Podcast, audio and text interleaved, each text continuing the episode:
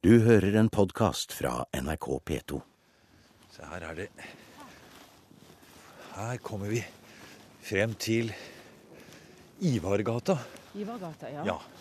For her er vi jo altså da i Ytre Kvenby, som du sier. Det er Ytre Kvenby. Ja. Men dette her er altså Dormeingården eller Vinikagården. Den ble bygd i slutten av 40-tallet. 1840-tallet. Domaingården, ja. ikke sant? Og vi, vi hører jo bare på klangen i navnet at det, har, det er en finsk klang i det. Ja, det er det. Eh, Den første som hadde denne gården her, han het Jens Petter Vinika. Og han eh, kom fra Tornedalen og bygde opp dette anlegget her. Eh, Og seinere så forlot de anlegget. Noen dro til Amerika, noen dro utover i bygdene. Og seinere så kom det en Tormein, Carl Tormeinen. Og han kom hit på fiske flere år på rad, men så til slutt så gifta han seg med ei, dame eh, som het Korvanen. Hun var enke da etter en fisker som hadde drukna på havet. Og eh, de kjøpte da dette huset her. Sigrid Skarstein fra Ruja kvenmuseum forteller om mange generasjoner med finsk innvandring, kvener, som her i Vadsø-området ikke var en liten etnisk minoritet, men en stor folkegruppe, mange steder i flertall. Ja, det er deg vi skal treffe. Hei, Jens. Jens Pedersen fra Nordvaranger kvenforening er også med, som en representant for en av de mange kvenforeningene og organisasjonene som de siste årene har gjort den finske og kvenske identiteten mer og mer tydelig. Kvenmuseum står det der, Pedersen, på en plakat her. og det hadde du vel kanskje nesten ikke engang trodd eh, når du vokste opp her? At det noen gang skulle stå en plakat med Kvenmuseum? Og at det skulle omhandle din holdt jeg på å si, bakgrunn og kultur? Ja, nei, det, jeg tror ikke man behøver å gå lenger tilbake enn 30-40 år. Og det, det, det var utenkelig at, at, at, at, at et museum skulle, skulle kunne lages på bakgrunn med bakgrunn i den kulturen her. I kveldkulturen. Nei, det Tida går framover. Tida går framover, ja. Ja, det er faktisk slik at de nesten over natta skifter eh, minoritetspolitisk status. Fra å være innvandrere til å bli eh, nasjonal minoritet. Og det er en formidabel anerkjennelse over så kort tid. Professor Einar Niemi fra Universitetet i Tromsø. På samme måte som romanifolket, eller taterne, fikk sin oppreisning ved Europarådets konvensjon i 1995, ble det også en stor forandring for kvenene i Norge, da regjeringen i 1996 vedtok at kvener ikke lenger skulle ses på som innvandrere til Norge, men at denne folkegruppen er en nasjonal minoritet.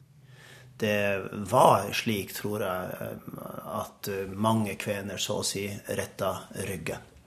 Altså endelig var de anerkjent som noe annet enn innvandrere. Og innvandrerbegrepet hadde jo kleba seg til den etniske gruppa i mange generasjoner, til tross for at det for svært mange av dem syntes helt uh, misvisende. Mange hadde jo bodd her i generasjon etter generasjon. Noen helt siden 1700-tallet med en klar slektslinje bakover som var lett å dokumentere. Og andre igjen hadde kommet for 100-150 år siden. Skal vi gå inn, eller? Ja. Det er jo flere ting vi kan se. En lang slektslinje og stor tilhørighet. Det må vel være akkurat det Domainen-gården viser oss. Og se her, det er jo akkurat som en at, eh, her, Det er jo en sånn skikkelig gård. Det. Og her er det badstue inn der, men det var fjøs tidligere. Og eh, dette her er et Varangerhus. Og det spesielle med Varangerhuset det er det at du har fjøs og bolig i ett. Og her er det på en måte to Varangerhus. Vi ser jo her at det er gårdsstuene til en gård. Her er det slipesten, og det henger Ja, redskap på veggene rundt omkring. Og rødmalt, ja. Ja. Her ser vi det gamle russertømmeret står i veggene her, og det er, eh, det er jo ganske flott å se det anlegget her. Det er, Ja. eh, Det er at det er tatt vare på. Nei da, det, det er fint. Det er russeplank, antagelig fra Arkangelsk-området, fra Kvitsjøen. Som, som under, under pomorhavnen ble frakta hit.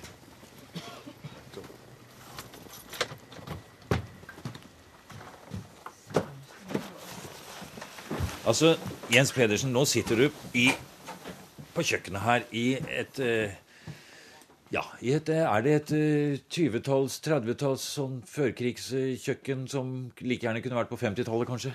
Ja. Den kunne vært på 50, det kunne vært på 60, og den har vel eksistert helt fram til i dag, sånn som den er nå. Men jeg tror at kjøkkenet så sånn ut også på begynnelsen av, av, av, av 1900-tallet. Ja. Og her henger det et Jesus-sitat på veggen. Hva står det der, forresten? Jesus Valo Mailman. Jesus lyser opp hele verden. Ja, står, Er det på finsk, det da, Pedersen, eller? Ja, det står på finsk. Ja, ja. Det gjør det. For når jeg spør deg om det, så er det jo fordi at du er, du er kven. Ja da. Jeg ser på meg sjøl som, som, kven. Ja. Hva betyr egentlig det nå i våre dager? Ja, det er jo et litt Det er jo litt spesielt spørsmål. Det har jo nå, nå egentlig med, med identitet Og sånn som jeg ser litt på identitet, så er det jo knyttet til Knyttet litt til barndom. Altså det man er, det man er vokst, vokst opp med. Og kjennetegn for kvern, språket, er jo noe som er veldig viktig, akkurat som det vi nettopp leste fra, fra veggen her, som hang der. Så det finske, finsk-kvenske språket er jo en svært viktig identitetsbærer. Og den har jeg fra min barndom.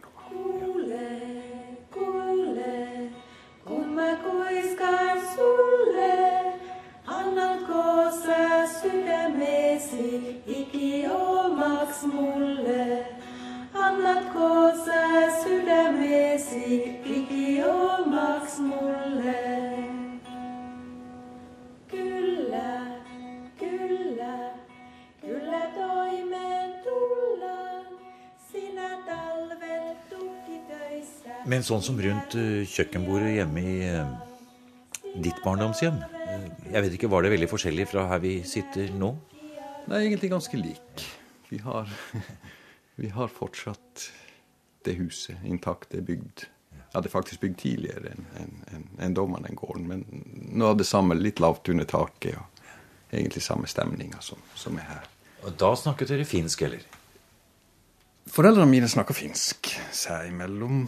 Men eh, de levde jo kanskje først og fremst i en tid hvor det her, her med at alle skulle lære norsk, det var det viktige. Skulle man fram i livet, så måtte man kunne norsk. Så for dem var det ganske viktig, eller det var veldig viktig for dem at man snakka norsk til sine barn. Mens de seg imellom snakka finsk. Men alle omgivelsene rundt, det var jo, det var jo Språket lå jo der. Ja. Altså, Etter 1996 så blir kvenene i Norge anerkjent som eh, en, eh, en eh, etnisk gruppe. Men det var en tid, Pedersen, da ordet kven kanskje nesten kunne være noe i retning av et Om ikke akkurat skjellsord, så det var, det var i hvert fall ikke positivt bestandig? Nei, det er, nok, det er nok riktig. Det er ikke noe å legge skjul på at den den er nok blitt brukt som, som som et skjellsord om en gruppe. Så, så, Men eh, jeg vil ikke si at det egentlig er sånn, sånn i dag. Det er langt, langt ifra sånn. Ordet er, er akseptert, den er tatt, tatt, i bruk, og den er akkurat tatt i, i bruk i, i, det her når det gjelder når det gjelder det at, at, at, at kvenene da blir anerkjent som en egen nasjonal minoritet i, i Norge. Mm. Og Nei, jeg, jeg, jeg syns ordet er bra. Og hvorfor ikke ta det ordet også enda sterkere i bruk hvis det har vært brukt som skjellsord før? Så ville de jo tvert imot nå i dag å ta et skjellsord i bruk med å, å, å f.eks. revitalisere et språk eller gi en enda bedre anerkjennelse eller skape en utvikling. Det må jo være kanskje det beste utgangspunktet lapset sine høri, sormet sano så, so so, kengän kannat gå, gå. Piri pieni pyöri, lapset sinä hyöri, kädet pane lip lap lap, kengän kannat kip kap kap. Piri pieni pyöri, Kvensk sang og fortellertradisjoner, språk og kultur. Det er viktige områder Vadsø museum arbeider med for å samle inn. Opptakene vi hører her, er gjort under Kvenuka 2004 og er produsert av Sigurd Engesnes og Marita Jakola Skansen. På mange måter typisk for den oppfinnsomhet og bredde det er i planene om etter hvert å få til et nasjonalt senter for kvenkultur i Vadsø. Og, eh, men vi syns jo det at um, siden Roja kvenmuseum er hovedmuseet for kvenkultur i landet, det kan vi vel eh, egentlig godt si, og det er det enighet om også blant kveninstitusjonene, at vi bør ha et moderne museum med en moderne utstilling også om kvenene. For det er mye kildemateriale, og det er mye å hente ennå, mener du? Som, ja, det ja. mener jeg. Ja. Eh, fordi at det har jo vært forska en god del på kvenene, og det har vært forska veldig mye på, på, det politiske rundt dette her, og dette med fornorsking og slike ting. Og det har vært forska en del på dette med jordbruk og fiske og primærnæringer, men det er enda mye man kan, eh, kan gjøre der. Gjenstander fra dagliglivet? Ja, Klær, eh, mm. mm. fotografier. Det, det, er den type ting. Pluss da selvfølgelig muntlige kilder. Ja. Så der er, der er, en god del å hente. Og nå har vi intervjua en del folk, som sagt, og det er jo sånne ting som man gjerne vil få mulighet for å formidle videre. Nå er det laga en, en, en kvenfilm. Den første skikkelige dokumentaren om kvenene er laga av en som heter Anstein Mikkelsen i Porsanger og i samarbeid med oss. Og der er det flere som er intervjua. Vi hadde også dette her eh, videointervjuprosjektet tidligere. Det er sånt som man ønsker å formidle videre. Vi holder på med dette med jordbruk og hestekultur. Så har dere jo alle bygningene som ja. vi f.eks. står inni her nå, ja. som jo er veldig sterkt bærer av eh, kulturen. Det er det. Og der er det noe vi også vil begynne å jobbe med og ha som hovedområde. Det går på dette med bygninger og dette med kulturlandskap. Og da er det jo veldig viktig å se på dette dette eh, som vi snakker om her, at det er et sånt eh, kulturelt område hvor det har vært flere grupper inne. Så du har det norske, du har det samiske, det kvenske og litt russisk. Og alt har påvirka dette her. F.eks. dette som vi snakker med om Varangerhuset. Det mener man at eh, her i dette området så kommer det fra, fra Kvitsjøen eller fra Karelen, at det var en vanlig måte å bygge på. Det kommer ikke fra Finland, akkurat det. Men de tok akkurat denne byggeskikken og, og brukte den her i, i dette området. Så, og Når det gjelder dette med bygningskultur og dette med kulturlandskap, så vil vi drive veldig mye og se på forskjellen. Hva er likheter, hva er forskjeller? Kan man trekke fram noe som er spesielt kvensk her? Her, ja. Ja. For nå kommer vi inn i en badstue som også her ligger Her blir det salta noe laks, ser det ut. Spekkesalta laks. Ja. ja, altså For uten badstue og sauna, Pedersen, så er man ikke altså, finsk eller kvensk i det hele tatt? Nei da, den, den, den, den, hører med. Den hører med. En eller to ganger i uka. Jaså? Ja. ja da, minst.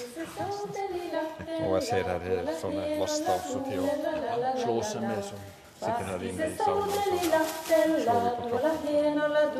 Nei, det ikke, det ikke bjerk. Nouse se kerran se aurinko, joka kerran sammunut on, on, on, on, on. Nouse se kerran se aurinko, joka kerran sammunut on. Sauna er nok vel og bra som kulturelt kjennetegn for det finske og kvenske. Men nå spør vi professor Einar Niemi om kvenenes historiske bakgrunn som en av Nordens mest anerkjente forskere på historien til Nordkalottens folkeslag, har Niemi i mer enn 30 år arbeidet med å fremkalle bildet av dette møtet mellom forskjellige kulturer, som en rik og spennende historie. Ja, For det første så er det kildemessige problemer for middelalderen. Altså Kvenbegrepet er jo kjent i skandinaviske kilder like siden Ottars beretning på slutten av 800-tallet, eh, som du jo vet. Faktisk den eldste skriftlige kilden vi har til norsk historie. Der omtales nordmenn, eh, svensker, eh, kvener, samer, karelere. Altså de forskjellige folkeslag i Nord-Skandinavia. Eh, men etter alt å dømme så var også middelalderens kvener et finskspråklig, et finsk-kulturelt folkeslag som hadde et slags basisområde rundt bunnen av eh, Bottenvika. Og det interessante er altså at det begrepet har hatt en kontinuitet eh, hele veien siden 800-tallet. Eh, altså etnisitet igjen er vanskelig å si om det er en slags sånn, la oss si en etnisk eller en slektskapsmessig kontinuitet gjennom så lang tid. Men eh, det står altså fast at det dreier seg om, et, eh, om en finsk-ugrisk eh, folkegruppe. Og tar man da spranget til seinmiddelalderen, dvs. Si 1400-tallet, 1500-tallet, så er det ganske klart at vi møter kvenene på nytt i norsk materiale. Det dreier seg helt sikkert ikke om noen stor innvandring til Nord-Norge, men det kan være arbeidsresultater og arbeidsflytting. Vi finner nemlig kvener i skattemanntallene, de eldste skattemanntallene fra 1520 og utover. Vi vet også at det var et eh, nært handels, et eh, nær handelsforbindelse på tvers av Nordkalotten. Og gjennom de ulike kontaktene så har det helt sikkert skjedd avskallinger. Og det er de vi finner nevnt som kvener i dette materialet. Men noen større, noen mer systematisk innvandring fant nok ikke sted før ved begynnelsen av 1700-tallet. Da er det helt tydelig at det er noe nytt som skjer. Det ene det er at det er en stor befolkningsvekst i Nord-Finland og Nord-Sverige av grunner som ikke vi ordentlig vet. Det andre er jo at den store nordiske krig gjorde store utslag også der, slik at mange dro seg unna eh, krigen. Og det tredje er altså at eh, nå ekspanderer for alvor den gamle finske bondekolonisasjonen av Nord-Skandinavia. De trenger altså på jakt etter jord lenger og lenger nord i lappmarkene etter de store elvedalene. Og endelig, ved begynnelsen av 1700-tallet, så er det bare én ekspansjonsmulighet igjen. til å passere vannskillene. Og det er det som skjer. De kommer til Nord-Norge, til Nord-Troms, til det nordlige Nordland og til Finnmark. Og her oppstår det da kanskje en form for konflikt mellom det vi tradisjonelt kaller for da den samiske befolkningen? Ja, det dreier seg både om samarbeid og konflikt. Man har kanskje, også vi historikere, har kanskje litt for lett eh, for å oppdage konflikten, først og fremst. Eh, fordi den er dramatisk. Den gir seg utslag i kildene, lett synlig. Mens samarbeidet, det må vi søke litt mer etter. Og der har nok vært en trend i forskningen de siste 10-15 årene som har vist klart at samarbeid var like vanlig som konflikt. Man må huske på at eh, de ulike gruppene, samer på den ene siden og kvener på den andre siden, hadde sine spesialiteter som utfylte hverandre, så å si. Man lånte tjenester hos hverandre, man bytta varer, man utveksla ekspertise. Sånn veldig grovt og forenkla kan man jo si at eh, en eh, viktig samisk eh, gruppe var jo reindriftsutøverne som beherska så å si fjellet. Fjellbeitene var deres domene. Og produserte store mengder naturligvis med kjøtt og skinn og alt det som hørte rein og reindriften til. Mens kvenene eh, sannsynligvis eh, var, og det omtales jo svært ofte også i eh, samtidige kilder, var en slags pionerer i det nordlige landbruket. Kunne da levere naturligvis alle typer landbruksprodukter. Melk, ost, hva det måtte være. Slik at det har også vært, sam, eh, eh, vært, samarbeid og utveksling av tjenester. Vi kan jo også se at eh, denne inntrengningen i samiske miljøer naturligvis har den ført til konflikt. Men vi kan også se, og det har nyere rettshistorisk forskning vist, og det er jo svært interessant, at den samiske samfunnsorganiseringen sto så vidt sterkt at den kunne stille premisser for eh, den, samiske, for den kvenske bosettingen i området. Altså en slags kontrakt ble lagd mellom den samiske befolkningen og den kvenske. F.eks. om at man ikke skulle gå hverandre i næringen, som det heter i de gamle kildene. På den måten, eksempelvis i Tana, at kvenene skulle holde seg unna bestemte fiskeplasser, bestemte jaktplasser osv. Så vi ser altså for oss et, eh, skal vi si, et, et, veldig ekspansivt og kanskje også rikt økonomisk møteområde. Nærmest et slags eh, ja, Går det an å bruke uttrykket et slags Klondyke? Ja, altså det er, jo, det er jo flere forskere som har brukt den gamle amerikanske termen et frontierområde eh, på 1700-tallet og 1800-tallet. Altså at Nordkalotten både med landterritorium og havterritorium representerte et ekspansivt rom. Altså med store muligheter, store arealer som faktisk ikke var tatt i bruk. I hvert fall ikke intensivt. Eh, der folk med veldig liten kapital, veldig liten gods så å si i bagasjen, kunne starte fra scratch eh, og overleve svært godt. Man ser mange utslag av det her. Det ene er jo at, eh, at det er en stor innflytting nordover. Et sig nordover gjennom flere hundre år av unge mennesker. Og man ser det også i sånne ting som at tjenerlønna er høyere dess lenger nord man kommer. Så her er en møteplass mellom kulturer og mellom økonomiske systemer. Og det er to store økonomiske systemer som møtes her. Det ene er jo det maritime økonomiske systemet, som etter hvert utover på 1700-tallet får navnet på morhandelen, russehandelen, sjøvertshandelen på sommertid mellom eh, fraktemenn rundt Kvitsjøen og befolkningen i Nord-Norge. Det andre det er det middelalderske eh, vintermarkedssystemet de såkalte lappmarkedene, der man møtes vinterstid på forskjellige steder rundt på Nordkalotten, og der igjen de ulike folkegrupper møter hverandre. Og man skal også være klar over at i dette her, eh, det store rommet med så mange møter, så skjer det jo også etniske prosesser. Og det er jo interessant også sett fra et moderne perspektiv. Det er altså ikke slik at folkegrupper og etniske grupper har vært fastfrosne. Man skifta etnisitet, faktisk også i eldre tid. F.eks. gjennom inngifte så kunne man skifte språk og klesdrakt og alle koder i løpet av eh, en tid. Og det interessante i Indre Finnmark det er jo at det har vært eh, mer av én type skifte enn av en annen. Nemlig det dominerende bildet har vært at de kvenske eh, bøndene som kom til området, lot seg integrere i samiske miljøer over forholdsvis kort tid så skifta de etnisitet fra kvensk til samisk. Og i Karasjok Karasjok er et veldig godt eksempel på det. Det som i dag er Karasjok eh, kirkested, ble jo Det bodde naturligvis samer i området fra før av. Men på kirkestedet var det kvener som slo seg ned som jordbrukere. I løpet av noen få generasjoner så hadde stedet fullstendig skifta etnisitet til samisk.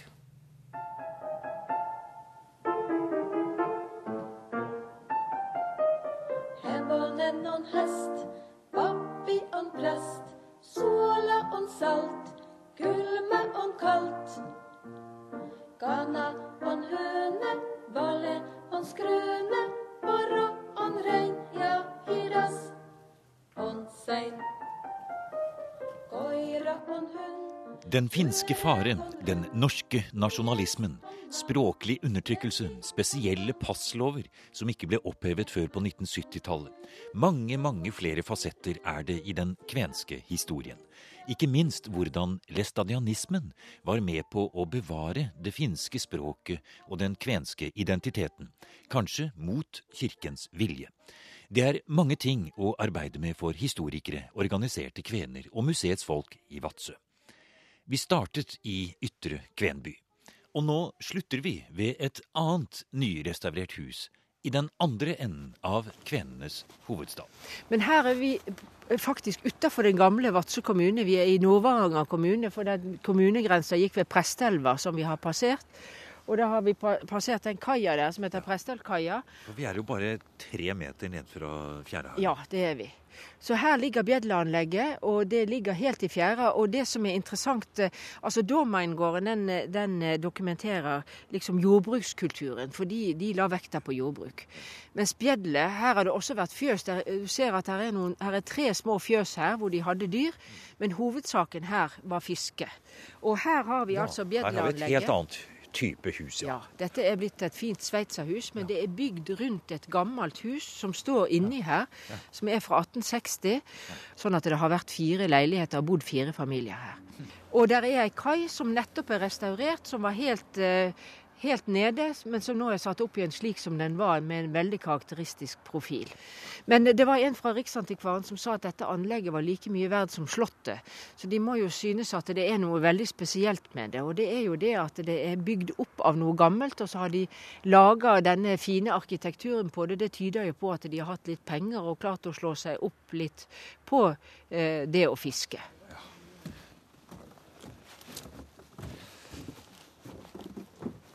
Og mens Sigrid Skarstein arbeider med det historiske perspektivet, restaurering og det å ta vare på Finnmarks eldre bygningshistorie, som det finnes mange eksempler på, trass i ødeleggelsene under annen verdenskrig, er Jens Pedersen fra Nordvaranger kvenforening også opptatt av hvordan den nye interessen for den kvenske historien kan peke direkte framover, inn i næringsutvikling og livsgrunnlag.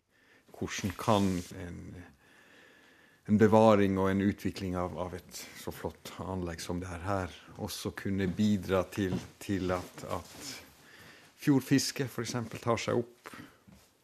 De som bodde før i det huset her, var jo yrkesfiskere. Drev ute på Varangerfjorden med garn, lina. Og hadde sine yrker knyttet til den virksomheten. Er det noe av det som, som man i fellesskap kan, kan klare å, å, å, få frem gjennom å styrke et, et sånt anlegg som det? Og da blir det historie og nåtid én og samme ting. Ja, egentlig er det det. Historien er det beste utgangspunkt for oss å se utvikle oss fremover.